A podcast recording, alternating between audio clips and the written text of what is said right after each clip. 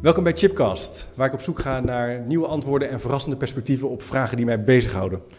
En vandaag staat een geschiedkundige, filosofische vraag centraal. Hoe is de mens geworden wie hij is? En dat, ga ik, eh, dat gesprek ga ik voeren met niemand minder dan met Ger Groot. Ger, uh, hartelijk welkom. Dankjewel. Ontzettend leuk dat je in de uitzending uh, bent. Ehm, best een, een, taaie, grote vraag. Hoe zijn wij nou geworden wie we nu zijn? Ehm, kijk er naar uit om met je over van gedachten te wisselen. En een weinig voor de hand liggende vraag in zekere zin. Ja, eigenlijk wel, ja. ja.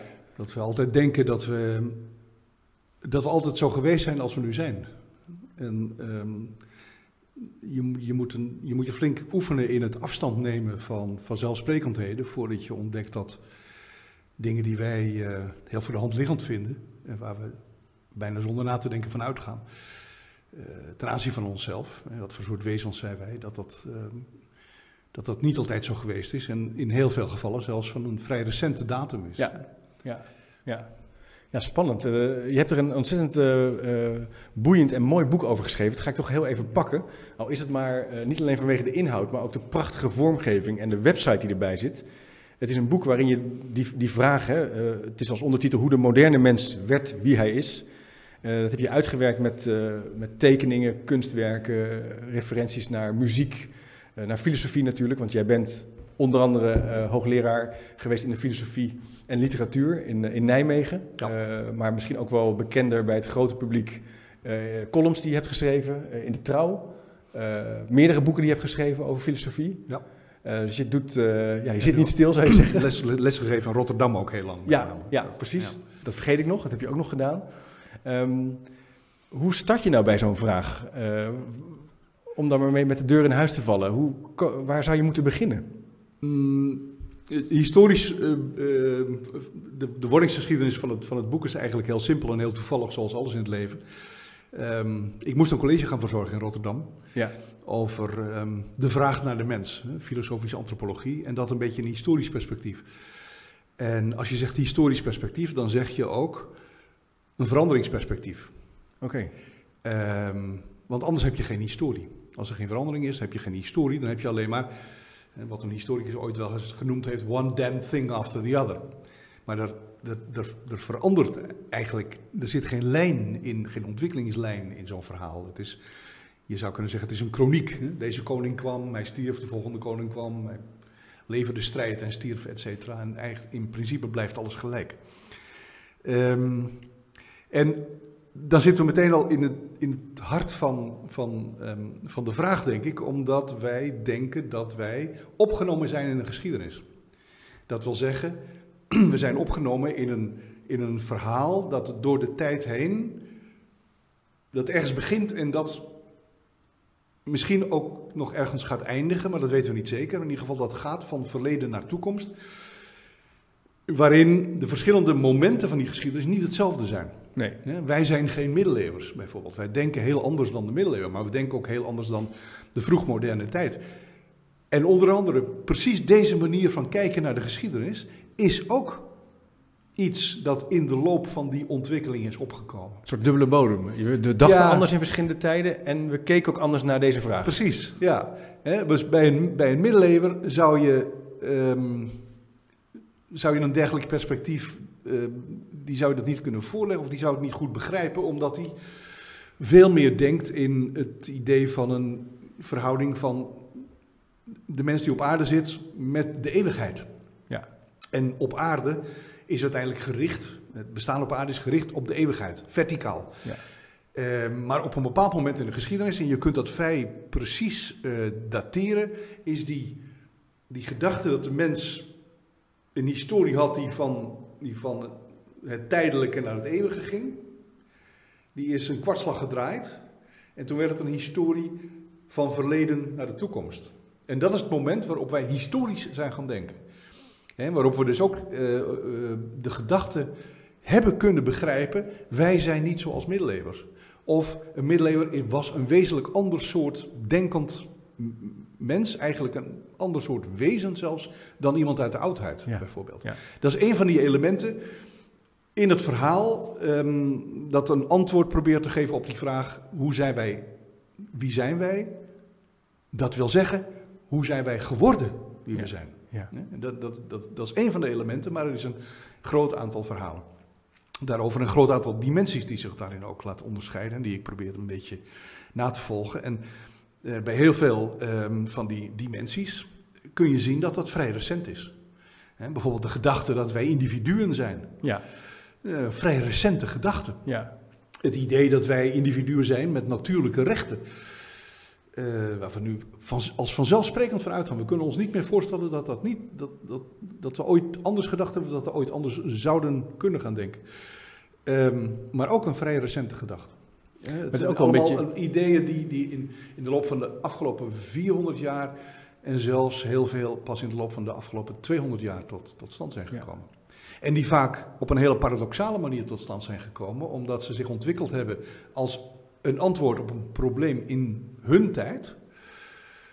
Maar die antwoorden die zijn gebleven en de tijd is veranderd. En wat ik, wat ik ontdekt heb in die, in, die, in die speurtocht is dat een van de belangrijke dingen die veranderd is, uh, met name in de loop van de 20e eeuw, begint al een beetje in de 19e eeuw, met name in de 20e eeuw, dat is het, het, het feit dat mensen zichzelf in West-Europa, uh, of in het Noord-Atlantische beschavingsgebied, niet langer zien als opgenomen in een religieuze heilsgeschiedenis, maar dat die godsdienst verdwenen is. Ja. En heel veel van die veranderingen die je in de afgelopen paar eeuwen ziet, zijn eigenlijk geïnduceerd door de godsdienst, zijn antwoorden op godsdienstige preoccupaties, die niet meer de onze zijn, maar de antwoorden daarop, die zijn nog altijd dezelfde, maar in een andere context. Zou je een voorbeeld kunnen geven? Wat is iets nou, bijvoorbeeld, um, je ziet in de, um, eigenlijk al vanaf de Reformatie, maar um, heel in het bijzonder vanaf de 19e eeuw, een, een, een, iemand als de Deense denker Kierkegaard is daar heel belangrijk in, dat mensen hun relatie tot God uh, gaan zien als een hele specifieke relatie die voor iedereen anders is. Uh, en ieder moet op zijn eigen manier tot God komen of zalig worden. Uh, daar is niet meer een algemeen antwoord op te geven. Zeg maar even zoals het veel collectievere denken van de middeleeuwen, of zelfs van het katholicisme dat, dat ziet. Maar het protestantisme is heel erg sterk gericht op ieder doet dat op zijn eigen manier en dat kun je ook niet voor een ander beslissen. Wel nu, die vraag naar hoe word ik, hoe bereik ik de eeuwige zaligheid, um, is voor veel mensen inmiddels niet meer zo'n zo'n zo'n zo'n zo'n zo'n dringende kwestie. Nee. Maar de vraag, maar de, het antwoord, iedereen moet op zijn eigen manier zalig worden, is wel voor ons heel kenmerkend gebleven. En dat zie je bijvoorbeeld, eh, nou, kijk een avond naar de televisie of, of lees een krant of zo, over existentiële kwesties. Ik gebruik dat woord een beetje met opzet, want dat woord dat hoort daar ook al bij Kierkegaard bij, existentiële kwesties. Daarvan zullen mensen zeggen, dat kan niemand voor jou beantwoorden hoe je daarop moet reageren. Dat is alleen jouw beslissing. Een, een, een, een, belangrijke 20e eeuwse denker als Jean-Paul Sartre, die ook een existentialist is, die heeft dat ook uh, met een aantal voorbeelden uitgewerkt. Op een bepaald moment dan vertelt hij dat hij met een. Uh, hij, hij, is leraar geweest in de middelbare school uh, in de jaren 30. En dat er een leerling bij hem komt met een probleem. ik moet dit doen of, moet, of ik moet dat. Want het zijn grote beslissingen in zijn leven. En hij vraagt aan zijn docent, een filosofiedocent, Jean-Paul Sartre, wat moet ik doen? Ja. En Sartre zegt, ik kan niet voor u antwoorden. U bent vrij, u moet uw eigen, in die tijd spraken docenten hun leerlingen nog met u aan, u moet uw eigen weg vinden. En dat is eigenlijk precies hetzelfde als wat Kierkegaard zegt uh, tegen de mensen in de 19e eeuw wanneer het gaat over de godsdienst. Alleen Sartre is zo atheïstisch als wat, maar de attitude is hetzelfde gebleven. Zelf kiezen, zelf beslissen. Zelf kiezen. En dat, en dat vinden wij nu allemaal. Ja. Hè? Zou dat niet, en vandaag de dag doen we dat natuurlijk ook wel heel sterk op basis van de, ons verstand. Hè? Het idee van de ratio, dat je dat eh, het soort, uh, en anders kunnen anderen dat wel voor je berekenen of weten. Dat, nou ja, in dit geval nou juist niet. In dit geval, ehm, nee, hij zegt je moet het zelf, een soort persoonlijke afweging. Ja, en dat is ook, uh, ook bij Kierkegaard zie je dat al een beetje. Sartre is erg rationalistisch, dat is hij iets minder. Maar als je dan weer gaat kijken naar die, die praatprogramma's op de tv en zo, dan zul je het wel weer, weer uh, opnieuw tegenkomen. Waar vind je het antwoord op de vraag wat jouw roeping is in het leven? Die vind je niet in het nadenken, maar die vind je in het hart. Ja. dat wil zeggen, je moet afgaan, en dat, dat, dat, in alle toonaarden wordt dat voortdurend gezegd, je moet afgaan op je gevoel. Dat is jouw specifieke gevoel. En dat is ook authentieker, ja. dan komt het woord authentiek naar voren, dat is authentieker dan die rationaliteit. Waarom? Rationaliteit is uiteindelijk voor iedereen hetzelfde. 2 plus 2 is 4, geldt voor iedereen. Ja. Maar, uh, ik ben verliefd op Marietje, geldt alleen voor mij. Dus je intuïtie... Waarschijnlijk ook voor mijn rivaal, want dan ontdek ik dat ik verliefd ben op Marietje. maar, maar verder niet. Maar dat is het punt van intuïtie, gevoel, uh, dieperliggende ja, ideeën over wat de juiste weg is. Dat is heel uniek. Ja, dus, dus in zekere zin, als je dan, dan, dan merken we dat we onszelf zijn gaan identificeren met, uh, met onze emoties, uh, met onze diepste irrationele elementen. Ook de wil, de, de, de, interne drang en zo. Die zijn we gaan bekijken als dat zijn bepalende dingen voor de persoon die ik ben, voor mijn identiteit. Ja. En ook dat is, ja, dat is een, 19e eeuwse romantische erfenis die wij hebben. Terwijl je, als je in de 16e eeuw dat gezegd zou hebben, nou kwam het al een beetje op in het protestantisme.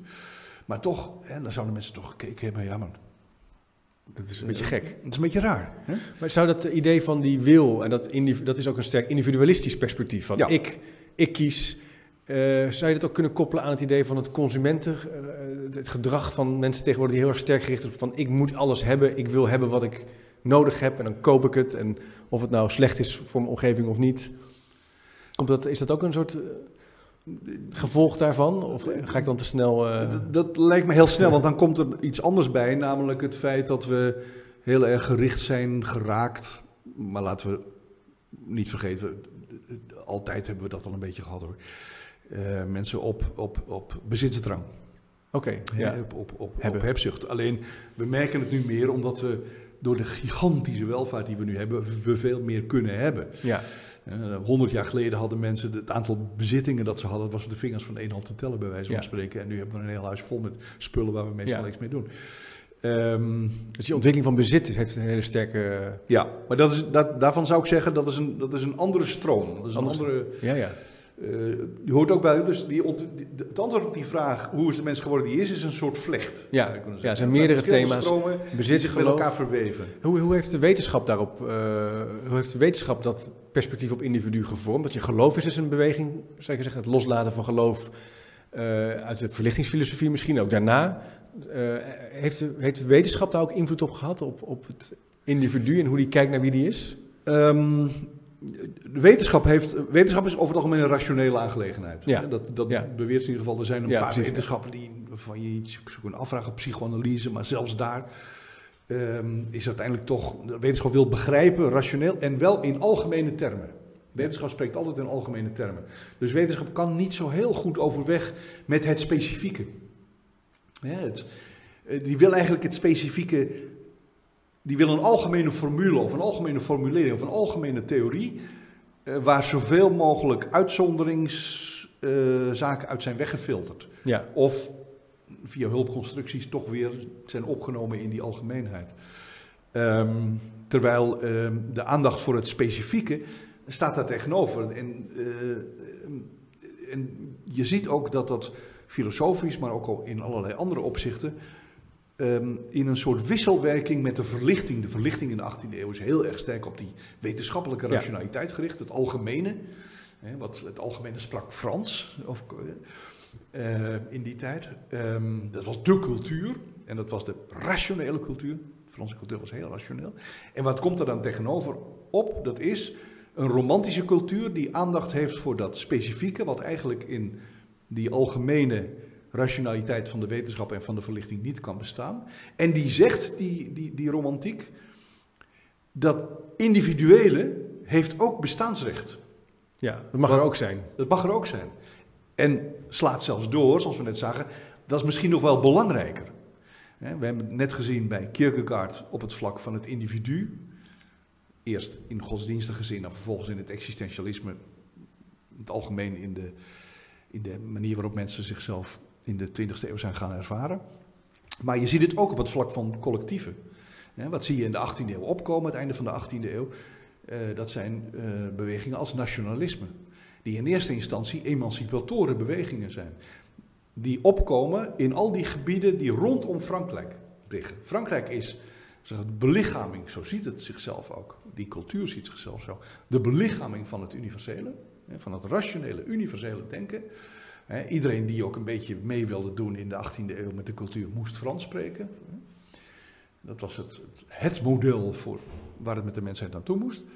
En dan zie je op een bepaald moment in Duitsland opkomen, een figuur als uh, Herder is dat bijvoorbeeld, maar iets later ook in Engeland en dan ehm, in, in Midden-Europa, eh, nog weer later in Zuid-Europa. Allerlei bewegingen die zeggen van, ja maar wij spreken geen Frans, mhm. wij spreken een andere taal.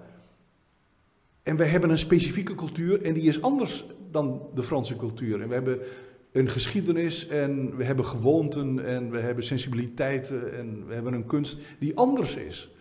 Waarom zouden wij ons moeten schikken naar dat universele model in plaats van dat we erkennen dat dat specifieke van onze groep ook bestaansrecht heeft? Ja. En dat is dan wat dan uitgroeit tot een term die tegenwoordig een hele negatieve klank heeft, het nationalisme.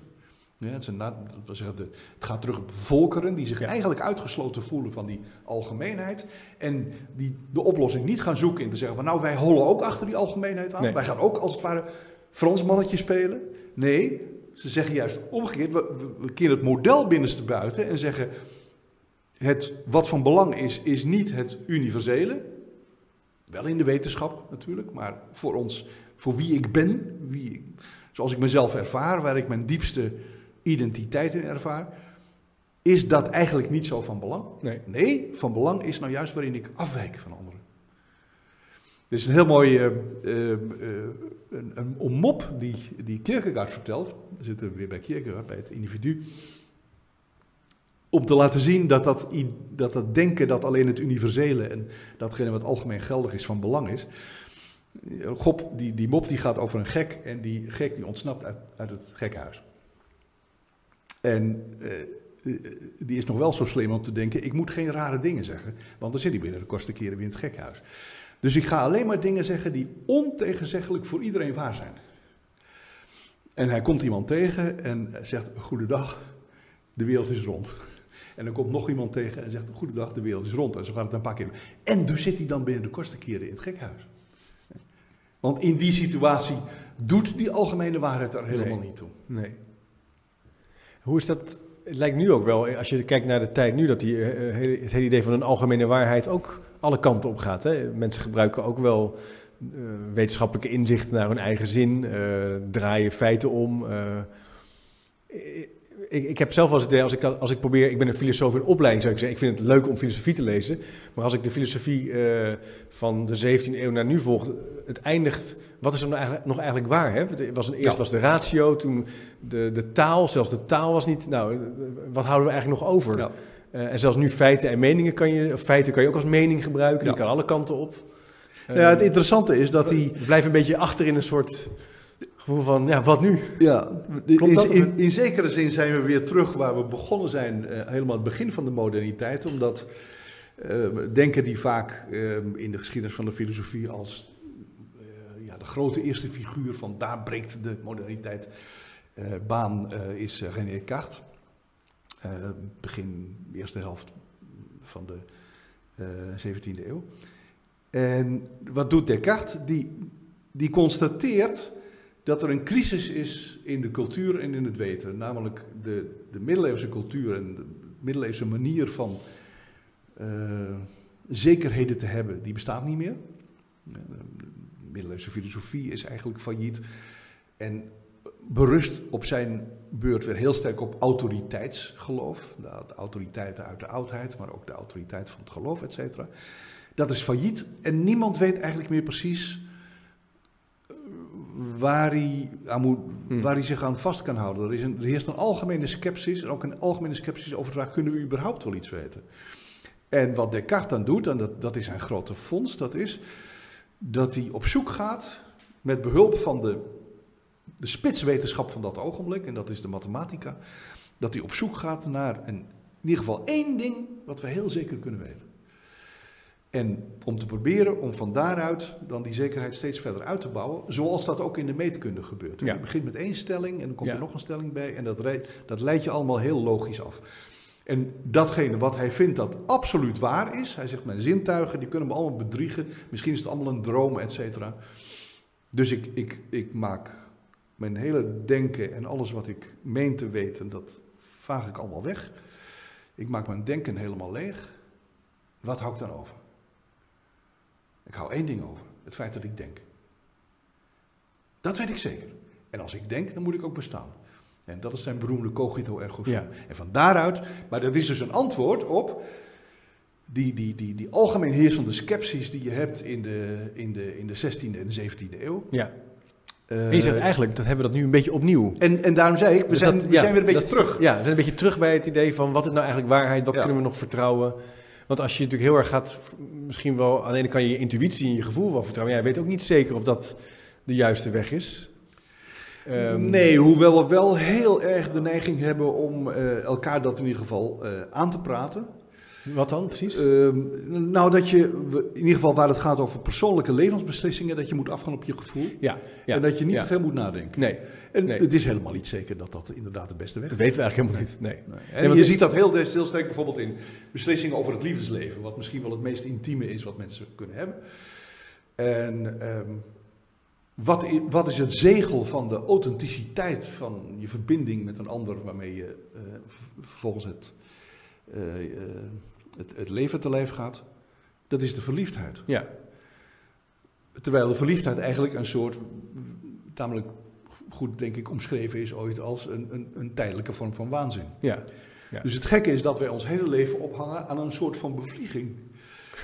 Ehm, en opnieuw, daar zouden bijvoorbeeld Romeinen nooit iets van begrepen hebben. nee. In die Eh, tijd was dat dus... Nee, dat niet, niet. dat ze niet verliefd werden. Dat werden ze ongetwijfeld wel. Maar ze zouden daar nooit het criterium van eh, gemaakt hebben. Van, en dus moet ik met die persoon. En uitsluitend met die persoon door het leven. Nee, dat was een, dat was een, een, een beslissing die je op rationele gronden nam. Ja. En dat vinden wij nu heel erg. Maar dat is Want fascinerend. dat vinden dus. wij een soort verraad aan onszelf. Ja, maar dat is dus fascinerend dat wij dus op een bepaalde manier op basis van dat gevoel een levenslang eh, verbinding aangaan. Ja. En, dus en dan zijn we verbaasd dat dat dan niet altijd goed gaat. Nee, nee, dat- nee, precies. Want is het 40% van de huwelijken tegenwoordig Ja. of zo? Terwijl, ja, nou, dat is dan dat nou? eh, eigenlijk nog weinig als je ervan uitgaat waar een modern huwelijk allemaal al niet aan moet voldoen. Ja. Natuurlijk. De, de, de, de, de, de, de, de eisen zijn ook zeker recentelijk enorm opgeschroefd ten Ja. aanzien van. Nou, als je iemand, kijkt naar iemand als Rembrandt bijvoorbeeld, eh, en die, eh, die dus een paar keer getrouwd is geweest, en de relatie tot die vrouw, dat, die wordt dan nu erg om bekritiseerd, van dat dat zo, zo liefdeloos was en zo. Nou ja, dat viel ook wel weer mee. Maar dat was ook niet zo verschrikkelijk belangrijk. Dat was Nee. een tijd. Je moest het wel een beetje met elkaar kunnen vinden, maar verder was het een, een, een vrij zakelijke Ja, afspraak. ja. En eh, toevallig is er, ik geloof net vorige week, een, een, een onderzoek eh, gepubliceerd waarin eh, men is nagegaan bij huwelijken die uit verliefdheid tot stand zijn gekomen en huwelijken die gearrangeerd tot stand zijn gekomen na tien jaar, hoe de, hoe de gevoelens waren van de echte lieden ten opzichte van elkaar. En dat bleek nauwelijks te verschillen. Dat is apart, hè? Ja. En wat misschien wat ik wel met name... Nou, het- eigenlijk als je erover gaat nadenken, is het ook weer niet zo vreemd. Alleen, Nee, het is niet vreemd, wij, is- wij vinden dat Ja. een gearrangeerd huwelijk hoort niet. Precies, nee, dat, ik en merk dat bij kan mezelf, dat dus denk, nooit dat tot liefde leiden. Nee, nee, terwijl dat dus gewoon wel... En, en wat interessanter is dat je zegt van, dat we dat dus denken, dat dat dus waar is. Ja. En dat vroeger dachten we dus heel anders daarover. Ja, ja. Dat is, wat, wat, zijn, wat zijn nog, is wel interessant, wat zijn nog meer van dat soort gedachtepaden van vroeger naar nu? Zijn er nog meer van dit soort bewegingen te onderscheiden die ons vandaag de dag beïnvloeden? Het punt van intuïtie en gevoel is dus heel duidelijk. ja, het nou ja, geloof, eh, ja, ja, het- bezit, heb je de, al genoemd. De manier waarop mensen naar zichzelf zijn gaan kijken als individuen, dan Ja. wel als leden van een groep. ja, Ja, dus ook in het begin van de moderne tijd zie je meer en meer, eh, met name vanuit het Anglo-Saxische denken, ehm, dat, dat men het menselijk wezen ziet als een individu. Op een bepaald moment ook met natuurlijke rechten, et cetera. En dan komt er helemaal niks. En dan gaat het individu relaties aan met een ander individu. En dat zijn dan ook niet natuurlijke relaties, maar dat wordt dan gedacht op het model van een contract. Dus je sluit een contract af Ja. met de ander. Ja. Dus dat is een soort, een soort juridisch model, wordt er dan gelegd over ehm, ja, de, de, de, de natuurlijke verhoudingen Ja. die daarvoor de dienst hadden uitgemaakt. En waarin men veel meer het idee koesterde. Ik ben wel wie ik ben, maar ik ben met name wie ik ben dankzij het feit dat ik opgenomen ben in een groep. Ja, in een, in een netwerk. In maar een dat, dat idee van dat contract, dat zie je natuurlijk ook sterk in organisaties. In een, in een organisatie ga je, ga je werken, dan teken je ook een contract, meestal nog. En dan zeg je, nou, ik, eh, voor een bepaald salaris doe ik dit, of Ja. doe ik dat, doe ik dit niet. Ja. Ik heb ooit een keer een boek gelezen van eh, Paul Mason, die zei, als je nou marsmannetjes zou hebben die naar de aarde zouden kijken, dan zouden ze eigenlijk allemaal een soort organisatieplekjes zien, waar mensen dus in dat Ja. soort plekjes dingen verplaatsen van Ja. A naar B. Ja. Eh, dat vond ik wel een soort interessant beeld. Eh, waar, komt dat idee van dat contract dan vandaan? Want dat, ja, nou ja, je, ziet al een klein beetje in de middeleeuwen dat dat naar voren komt. En zelfs al als je heel erg ver gaat zoeken in het Oude Testament. Ja, er zijn wel studies gedaan over de, over de, de tien geboden bijvoorbeeld. ja. Dat men gezegd heeft, eigenlijk, dat is, dat is ook een soort, een soort contract, Ja, het is een- soort ja. formulier. En als je dan gaat kijken naar wat dan heette de vazalcontracten die men had in, het, in Mesopotamië, het Midden-Oosten, waarin dus iemand zich verklaarde vazal te worden van deze of gene heerser. En die hadden dan wederzijdse rechten en plichten. Dat lijkt, erg heel, dat lijkt heel erg op datgene wat het contract is tussen het Joodse volk en Yahweh in, in Exodus. Dat is interessant, ja. Dus het gaat heel ver terug. Ja. Alleen wij zijn in de, in, in de moderniteit ehm, ook heel erg sterk, denk ik, onze, onze, al onze relaties en ook in toenemende mate gaan juridiseren. ja. En dat, dat, Ja. dat zie je nu, is dat als het ware nog in een stroomversnelling gekomen, waarin ehm, bijvoorbeeld studenten, als die, naar een, eh, als die gaan studeren aan een universiteit of, of, een, of, een, of, een, of een onderwijsinstelling, eh, die hebben bepaalde rechten en, rechten en bepaalde plichten. Zelfs, ik, ik heb het nog meegemaakt dat op een bepaald moment colleges die ik ging geven, die moesten worden beschreven en dan welke leerdoelen worden hiermee bereikt. Ik kan, ik kan u En als, dan kon je dan op worden afgerekend. als onderwijskundige zeggen dat leerdoelen, daar wordt heel hard aan gewerkt door heel veel mensen. Ja, Dus je, eigenlijk het is heel gek dat je van tevoren natuurlijk al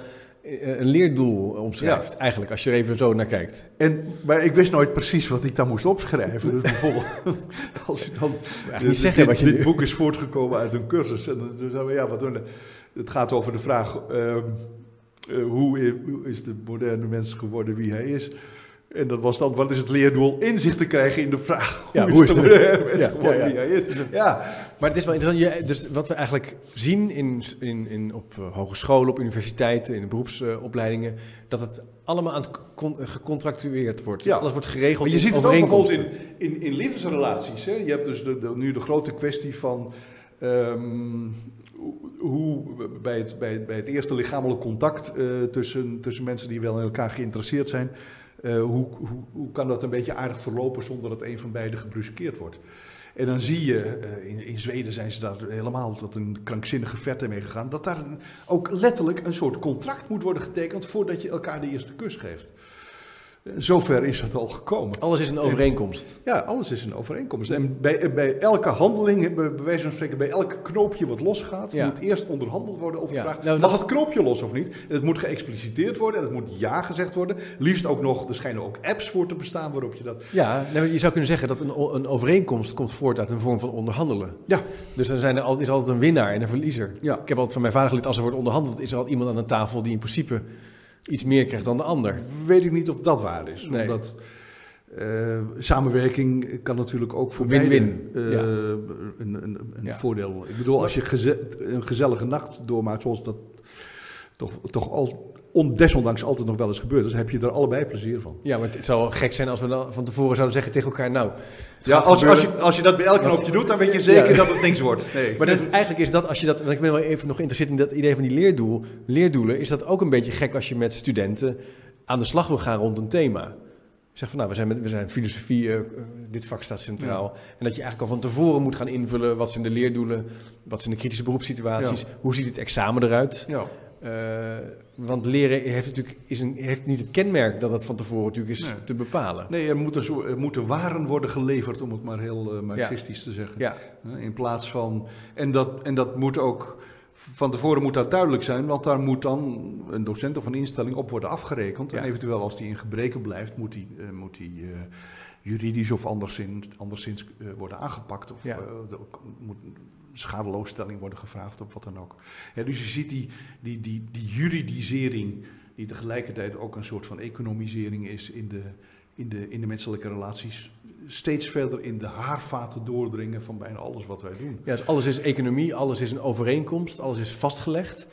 Um, zou je kunnen zeggen, ik heb eens gedacht van, uh, we, na de verlichting hebben we een beetje afscheid genomen van het idee van uh, dat er een God is die alles weet. Hè? Kunnen we het verstand accepteren als een manier die ons leidt tot kennis en wetenschap. En, maar nu met het hele idee van die markteconomie, of, lijkt het soms wel eens of die economie als een soort nieuwe, zich als een soort nieuwe God gedraagt, die, die eigenlijk alles bepaalt. Ja. Uh, uh, ben ik, niet, ik, ben niet, per se tegen geld verdienen, maar het lijkt wel alsof je soms met al die overeenkomsten moet meteen denken aan op je telefoon, de apps, de overeenkomsten, ja. op school. Als je met je kinderen inschrijft op een school, als je, nou ja, uh, het, het, is één grote ja. onderhandeling. Ja. Nou ja, je ziet dat ook in de loop van de, um, van de moderne tijd wel gebeuren, met name in de 17e eeuw. En mijn vroegere um, collega in Nijmegen, Jeroen Linsen, heeft daar net een mooi boek over gezegd, Hebzucht heet dat waarin hij um, ja. het denken uh, nagaat vanaf uh, nou, ongeveer dezelfde periode als ik uh, beschrijf, vanaf de 17e eeuw tot, tot nu. Ehm, maar met name in die, in die 17e, 18e eeuw, dat je naar voren ziet komen, dat dan pas het idee ontstaat van wat economie eigenlijk is. Als een ja. zelfstandige sfeer, ja. in plaats van dat geld gewoon handig is om, om in het ruilverkeer. En, en dus, dus het geld en, en um, de economische transactie als zodanig wordt een soort wordt een sfeer, wordt een, wordt een netwerk um, op zich, die op een bepaald moment, en, en, en, en zeker in, in, in, in de afgelopen halve eeuw kun je dat denk ik zien, zelfs in, in bepaalde perioden het, bijvoorbeeld het politieke gaat vervangen. Ja. Wat moet de staat doen? Moet de staat ervoor zorgen... Uh, dat de samenleving een beetje functioneert en zo. Nee, zeggen dan zeker liberale denkers, de staat moet eigenlijk alleen maar zorgen dat, dat, het, dat het budget klopt. Ja. En, en, verder niet zo heel erg veel nee. meer. En die moet ervoor zorgen, dat is in de 18e eeuw ook al zo, dat contracten worden nageleefd. Dat is voor de Engelse uh, 17e eeuwse Ja. en 18e eeuwse denkers ook heel belangrijk. Ja. Hè? En, uh, en daar heb je natuurlijk een politiedienst voor nodig, en dan heb je een soort juridische, maar de contracten die, die, die, die, die burgers onderling afsluiten, en dat is dus de manier waarop ze met elkaar in relatie zijn, via een Ja. contract.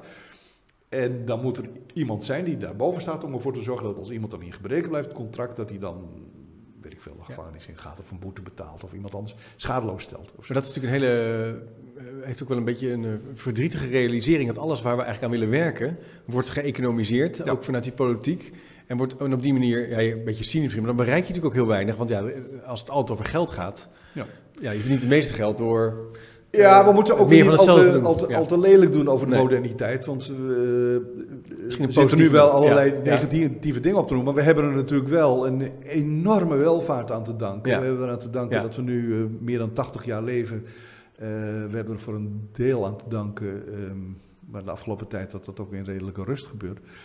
Ehm, uh, dat we heel veel ziektes uh, onder de knie hebben gekregen. En dat het leven nu aanzienlijk aangenamer en langer en beter is dan het ooit geweest is. Ja, Dus, ja. En dat hebben wij ook te danken aan die Ja. moderne uh, rationaliteit. Dus er zitten altijd twee kanten aan. Ja. Um, maar het, het, probleem is wel dat, dat de, daarmee soms iets dreigt te verdwijnen. Um, wat de moeite van het behouden waard is. Ja. Beetje- bijvoorbeeld de gedachte dat wij niet alleen maar individuen zijn, maar dat, dat het, het sociale leven ook iets fundamenteels is. En niet alleen maar een afgeleide van het feit dat ik nu eenmaal als, in, als, als, als eenling mij moeilijk kan staande houden in, in de samenleving. Nee, wij zijn wezenlijk sociale wezens. Wij kunnen niet zonder elkaar.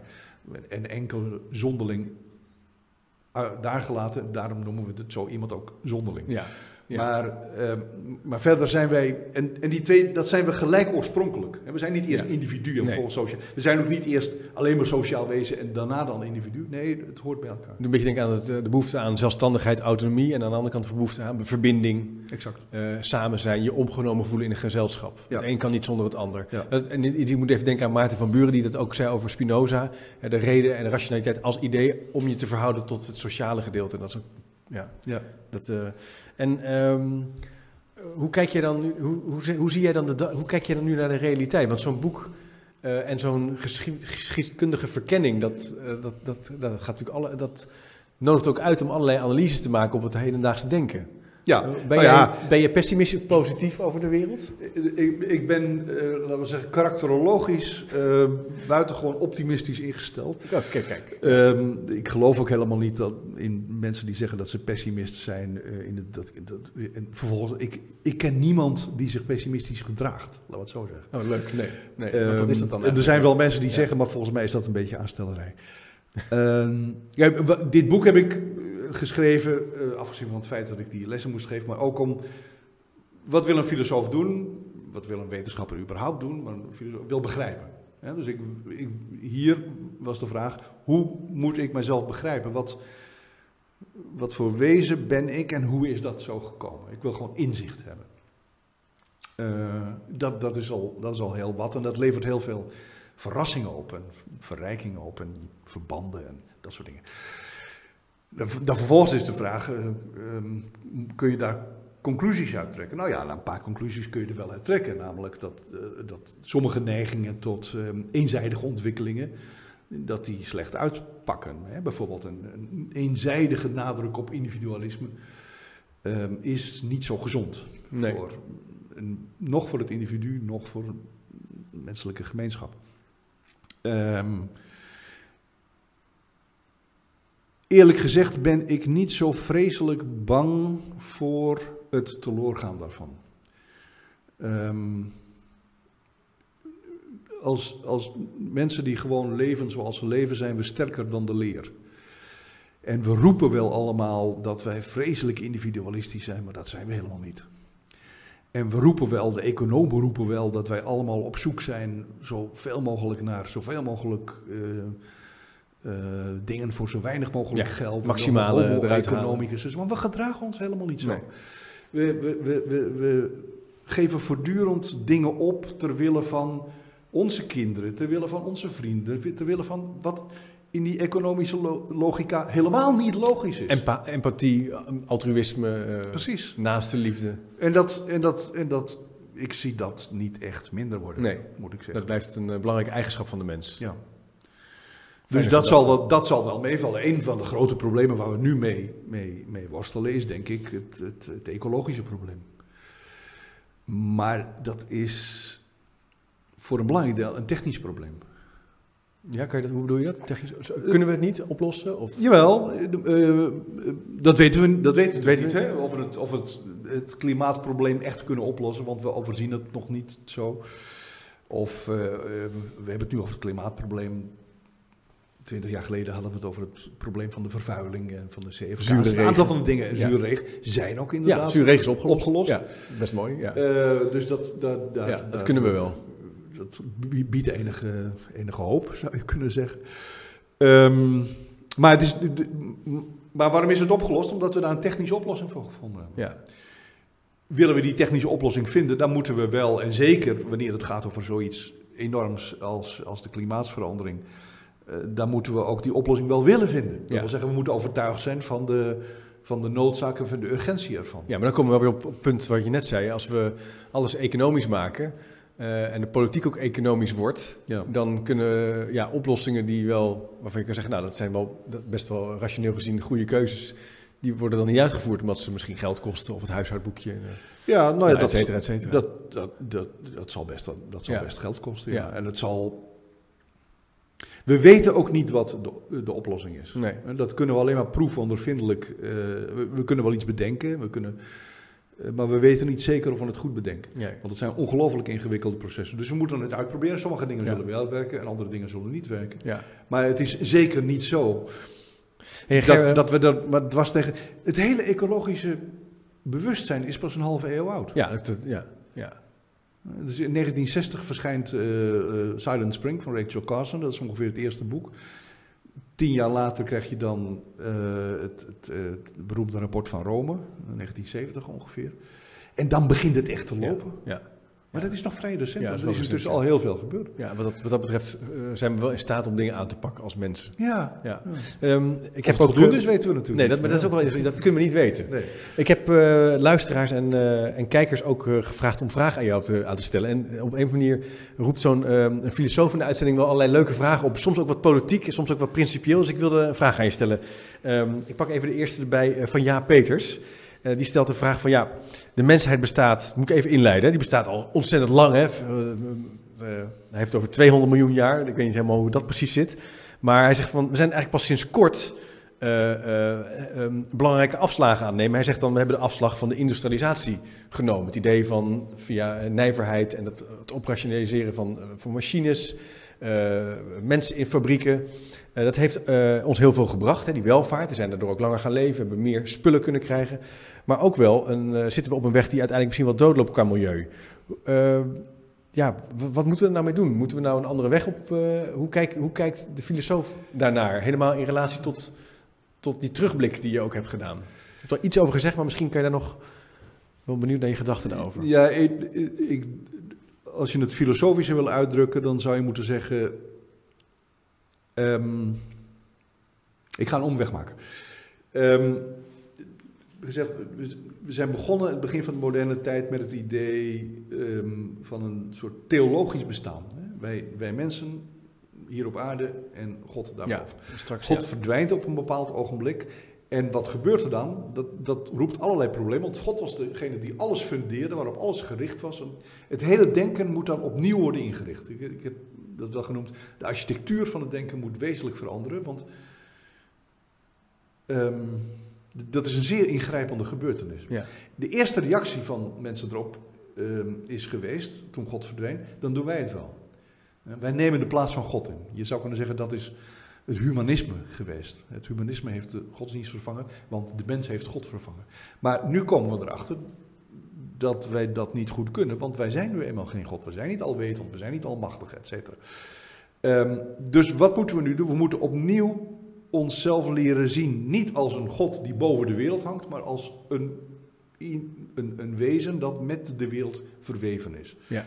En dat dus niet de wereld zomaar naar zijn hand kan zetten op grond van, eh, van, van, van, van eigen eh, toevalligheden en, en, en, en, eh, en, en eh, wispelturigheden. Eh, maar dat onze relatie tot de werkelijkheid en ook tot de natuurlijke werkelijkheid een wederkerigheid is. En dat we ons dus op- weer opnieuw een, iets nederiger moeten maken en ons moeten leren af te stemmen op die natuur. We zijn onderdeel van de natuur, zeker. Omdat we daar van dat onderdeel we van buiten, onszelf als het ware buiten die natuur hebben Ja. geplaatst. En we, we hebben niet de, nat- de natuur is niet ons speeltje. Nee. nee. Eh, dat betekent niet dat we, eh, ehm, zoals je soms wel hoort, zeggen, nou de mens kan beter uitsterven, dat is beter voor de natuur. Dat is een, wat mij betreft toch een veel te radicale Ja. gedachte. Ja. Maar eh, het idee van een, van, een, van een, als het ware wederzijds inspelen op elkaar. Je moet ook oppassen dat je de natuur niet te veel tot een antropologisch wezen maakt, maar toch. Ehm, dat is wel een opgave waar Ja, we voor ons staan. o- opnieuw leren verhouden tot die natuur. Ja. Eh, zoals ik moet bijvoorbeeld denken aan de, die econoom Kate Raworth over die donut-economie. Die zegt van ja, we moeten dus kijken naar een aantal pijlers die wij belangrijk voor ons zijn. Ja. Of we daar eh, ja, ons, ons tot kunnen verhouden. Ja, Dat is eigenlijk een van de belangrijkste opgaves. Even als omweggetje naar die vraag van Ja Peters. ja. Ja, Dus, ja. dus dat is, maar daar zijn we volop mee bezig. Ja. Dat kost moeite, want dat is een, het is een is transitie. enorme omslag. Ja. Het is niet alleen de relatie met de natuur zo, maar het is ook in relatie tot ons eigen bestaan. Ehm, bijvoorbeeld ehm, ons te leren verzoenen met het feit dat ons bestaan nooit helemaal ideaal zal zijn. Je ziet op ogenblik nog een beetje een beweging van. eh, als, als er iets gebeurt wat eh, niet helemaal de bedoeling was, en dan met name in de negatieve zin, dan moet er schadeloos worden gesteld, of, eh, of dat is eigenlijk een schandaal, of eh, wat dan. Contract, hè? Dan kan je het contract aanspreken. En, daar- en er, moeten Ja. er moeten verantwoordelijken voor ehm, eh, ter, ter verantwoording worden geroepen. Alle risico's moeten worden uitgebannen. Nee, een risico behoort wezenlijk bij het bestaan. Ja. Het feit dat, het bestaan dat dingen in het bestaan mislukt, mislukken, is iets wat we opnieuw moeten leren aanvaarden, denk ik. Ja. Ehm, en we hebben soms, we, in onze, is er soms een beetje een neiging om te zeggen, we, we proberen het allemaal onder controle te houden in de in de idiote gedachte dat dat Ja. ooit zal lukken. Dit doet me ook wel denken aan de trend in het onderwijs die je wel ziet dat alles eh, moet lukken en mooi moet zijn. Ja. Dus elke, leer, elke activiteit En moet leuk uitdagend, prachtige leerdoelen, leuk. Ja. En eh, terwijl als je als mensen vraagt die succesvol zijn of die een belangrijke ontwikkeling hebben doorgebracht, eh, die zeggen van ja, het is ook wel hard werken. Ja, Heel veel dingen zijn mislukt. ja. Eh, ja. En, heel veel, soms. en heel veel dingen zijn helemaal niet leuk, maar ja, die moeten toch gebeuren. ja, Eh, en inderdaad Ja. mislukken. het is ook En- onderdeel van het bestaan, zeg je eigenlijk. Ja, en moeten ook accepteren. en ook- er zijn ook mindere momenten in het bestaan. Het zijn niet allemaal alleen maar topervaringen, wat ons een beetje door. Maar dat is ook weer eigenlijk een technische kwestie door de, door de sociale media nu wordt. Hè. Dus al, al, al, al- het, het is één lange aaneenschakeling Ja. van, van Ja. topmomenten. Ja. Nee, dat is niet zo. Nee. Er, zijn heel- er zijn dagen waarin je je dood verveelt. Dat hoort er ook bij. Dat is ook verstandig. En uiteindelijk mislukt het bestaan natuurlijk toch, want we gaan allemaal dood. ja. Ook daarmee moeten we ons zien te te komen. Dat, dat, En zeker nu we het perspectief, veel mensen althans, het perspectief hebben verloren van, eh, van een leven na de dood. Het is toch wel een confronterende realiteit dat je moet accepteren dat er een eind aan zit, eind aan, zit, eind aan zal komen, maar ook dat het leven niet makkelijk is en ook taai is en Ja. dat verveling onderdeel is van het bestaan. Ja. Maar, maar die dingen als aan de ene kant je, je, je te relateren tot, tot de natuur die jou ook Ja, bepaalde grenzen oplegt. Die Ja. jou ook iets gezegd ja, eh, wa- waaraan je moet gehoorzamen, bij wijze Ja. van spreken. Aan de ene kant. En aan de andere kant het accepteren van het feit dat je dood had, dat, dat bestaan niet altijd leuk is. Dat zijn dezelfde denkbewegingen. ja. ja ik Ja, moet maar het een aan is concreter voorstelbaar dan het andere. de natuur als vangrail, moet ik aan denken. Dat was ooit waar ik met Jozef Kessels eh, in het boek Ja, ja. eh, Denken in Organisatie over schreef. Van dat denken ze alle kanten op mogen gaan, maar die natuur en de wetten in de natuur, daar moeten we ons wel toe ver- leren verhouden. Ja. Eh, Maar goed, kunnen we ook niet uit de bocht vliegen, zeg maar. Eh, misschien nog een andere vraag, eh Gek. Ik stoom nog even door. Eh, een vraag van Lenette. Lenette Schuit, die stelde hem via Facebook. Die zei van, hoe zie jij eigenlijk de rol van het kwaad in mensen? Het, is van alle eeuwen, zegt ze. Van, er is altijd wel kwaad geweest, maar soms is er meer beschaving. Ehm, het contract heeft ook wel natuurlijk... is de mens een wolf voor zijn medemens? Toen zei Thomas Hobbes, nou laten we dan die contracten gaan maken. Dan beschermen we elkaar een beetje. Nou, heeft best wel goed gewerkt. Daarmee onderdruk je misschien of organiseer je eh, iets van de tegenkracht op die des- destructiviteit en agressie. Ehm, maar soms barst het ook los. Ja. En eh, hoe zie jij dat nou als, als filosoof en als verkenner van die historie tot aan nu? De- er is iets wonderlijks met het kwaad, omdat het aan de ene kant eh, natuurlijk afstotend is. Ja, ehm, en dat kwaad dat moet je, kun je dan niet alleen maar terugbrengen tot agressie. Want agressie heeft ook dubbele kant. Agressie heeft, kan ook iets goeds hebben. Namelijk ehm, het, het feit dat ik eh, ambitieus ben, bijvoorbeeld. dat het je energie geeft Ja, om precies. iets aan te pakken, bedoel je? En, ja, ja, ja, ja, eh, precies. Dat, ik denk dat dat eenzelfde soort van, van, van, van geestelijke beweging is. Ja, ja, ja. Ik, ik ga erop af. En- Het barst wel eh, los misschien, maar het is een energie om iets te veranderen. ja, ja. Ja. En op een bepaald moment kan dat. Kan dat en dan gaan we het agressie noemen. Maar dat, ja, dat- ja, dat is een verglijdende schaal. Aan de andere kant, er zijn ook eh, vormen van kwaad die niet zonder meer agressie zijn. Maar het gekke van, van het kwade is dat het. Het heeft in zekere zin iets, je zou bijna kunnen zeggen iets goddelijks. In die zin, ehm, er is een godsdiensthistoricus geweest in het begin van de 20e eeuw, eh, Rudolf Otto. Die, die zei, wat is nou eigenlijk het goddelijke of het heilige, daar had hij het over. Dat is niet het moreel perfecte, zeg maar even de heiligheid van Jezus. Nee, de heiligheid dat is een soort, dat is een sfeer van het goddelijke die aan de ene kant ontzag eh, inboezemt, maar die tegelijkertijd ook afschuw inboezemt. En dan moet je dus denken aan de, de verschrikkelijke God van, het, eh, van sommige delen van het Oude Testament, waar het Ja, protestantisme nogal echt, eh, ja, goed ja. wa- raad Ja. mee wist. Wij katholieken, ik ben van katholieke afkomst, we hadden toch meestal een wat, wat aaibaarder God, geloof ik, dan Ja. de protestanten. Maar, Ja, ja. maar dat, dat kwaad heeft, als het ware, die positie van dat heilige ingenomen, of behoort daarbij, want het is aan de ene kant schrikwekkend in zijn consequenties, maar het is ook fascinerend. Ga naar een bioscoop en zeven van de tien films Ja. gaan over mensen die slechte dingen doen. Ja, of zich ontworstelen aan het kwaad. Of, nou ja, kijk maar naar, naar, Star Wars, Lord of the Rings. Er is altijd een heel duidelijk beeld van het kwaad. Maar ook uh, het genre van de gangsterfilm bijvoorbeeld. Ja, ja, ja. Um, uh, en, en, en, en, dat fascineert ons ook. Dus, dus er zit een hele, we hebben een hele dubbelzinnige relatie ten opzichte van, uh, ja.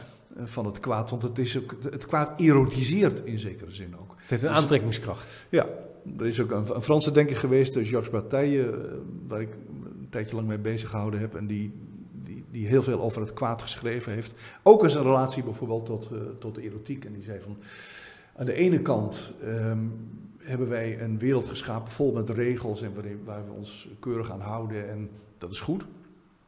Uh, daardoor slaan we elkaar niet de hersens in.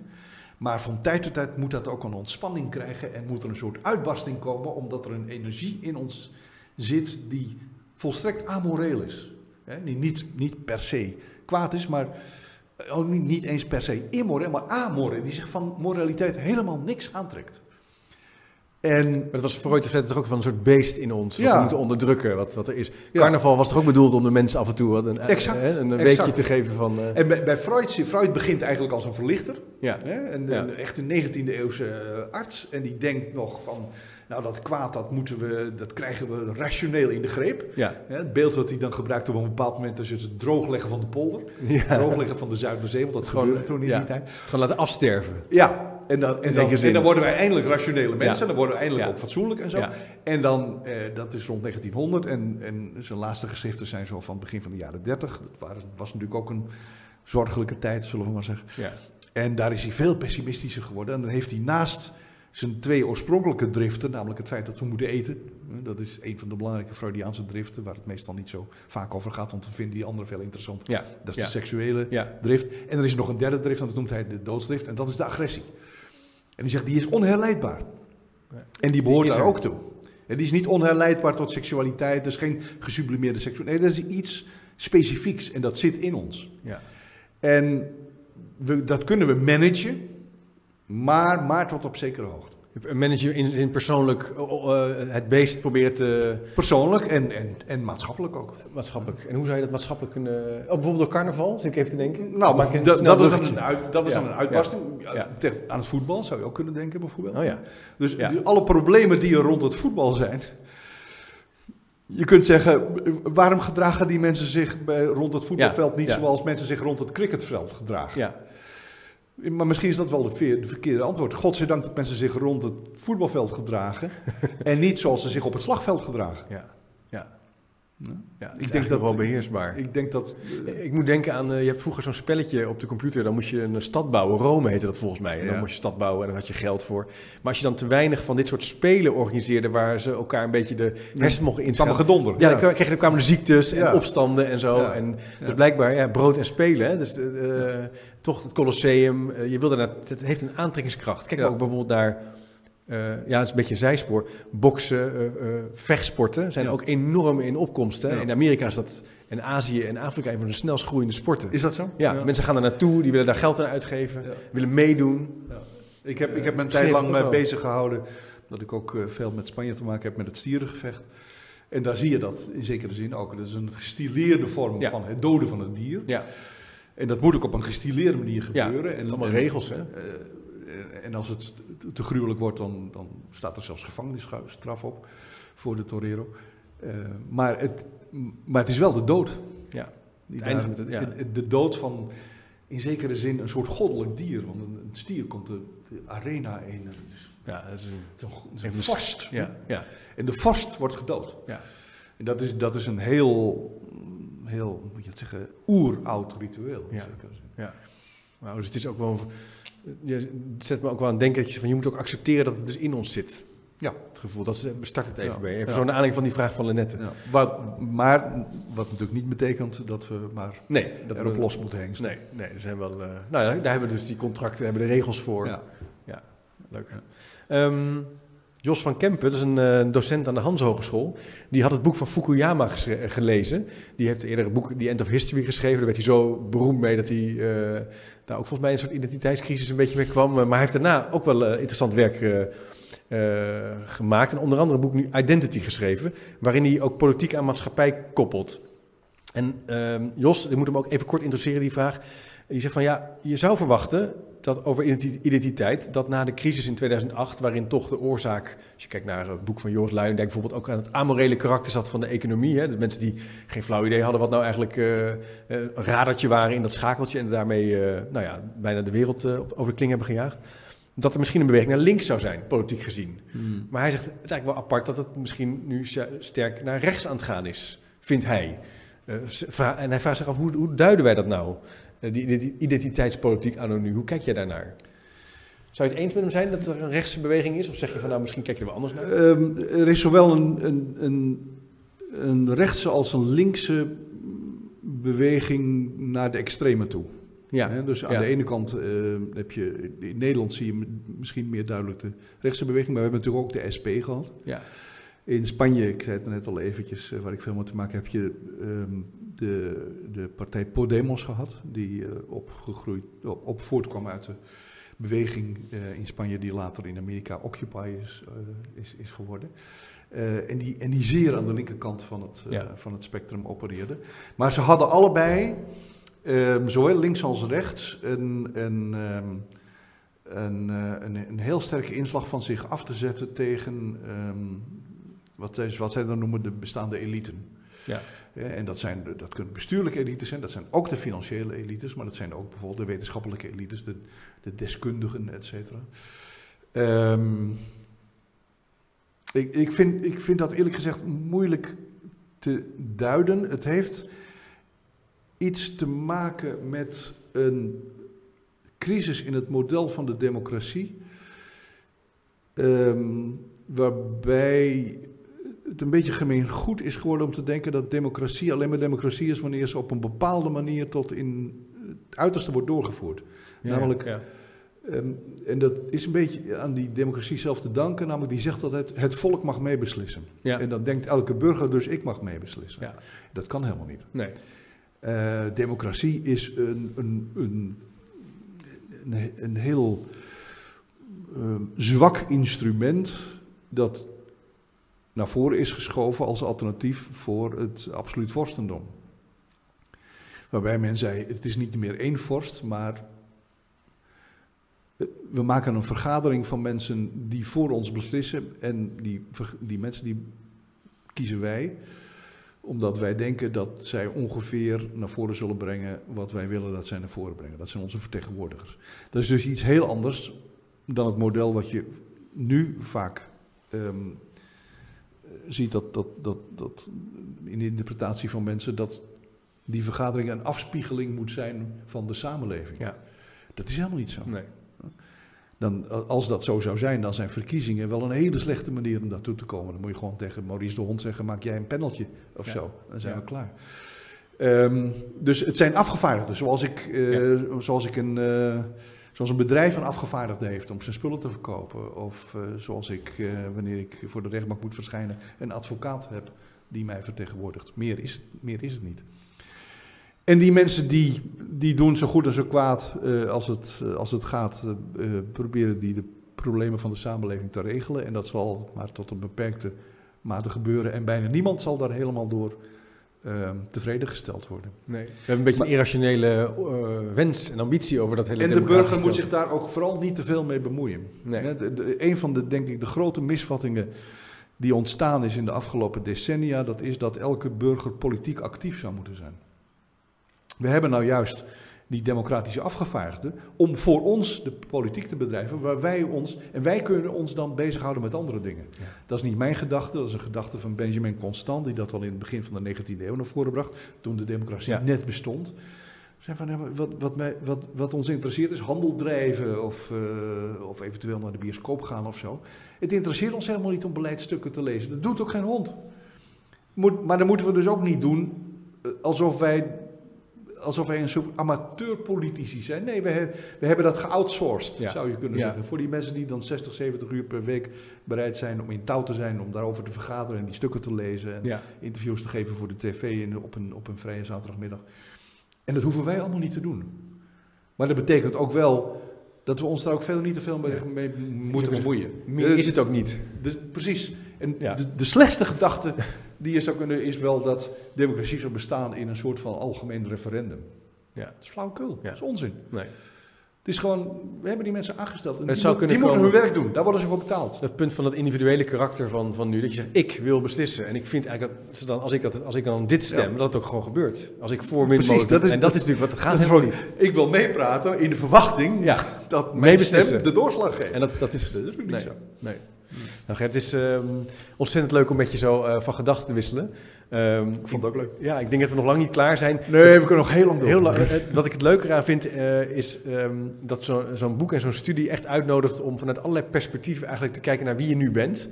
En eh, ik heb nu al heel veel geleerd van hoe je eigenlijk vanuit die vlecht van ervaringen en historie terug kan kijken naar hoe het vroeger ging en hoe het nu ging. Ontzettend bedankt voor je inzichten en het leuke gesprek. Eh, ik ga zo langzamerhand richting een afronding. Eh, voor degenen die eh, nog benieuwd zijn naar de aantekeningen en de links, artikelen of boeken die Gernet heeft genoemd, die zal ik ook in de speakers notes opnemen, dus die kan je rustig teruglezen. En ik zou ook zeker aanraden om het boek De Geest uit de Fles erbij te pakken en ook naar de website te gaan waar heel veel videofragmenten, muziekfragmenten staan die nou ja, onderbouwing zijn van, van de studie naar de moderne mens en hoe die werd, wie die nu is. Kijk ook even op www.chipcast.nl slash doe mee als je je wilt aanmelden en dan krijg je automatisch ook de nieuwe opnames die nog gaan volgen. Bedankt voor het kijken en tot de volgende keer.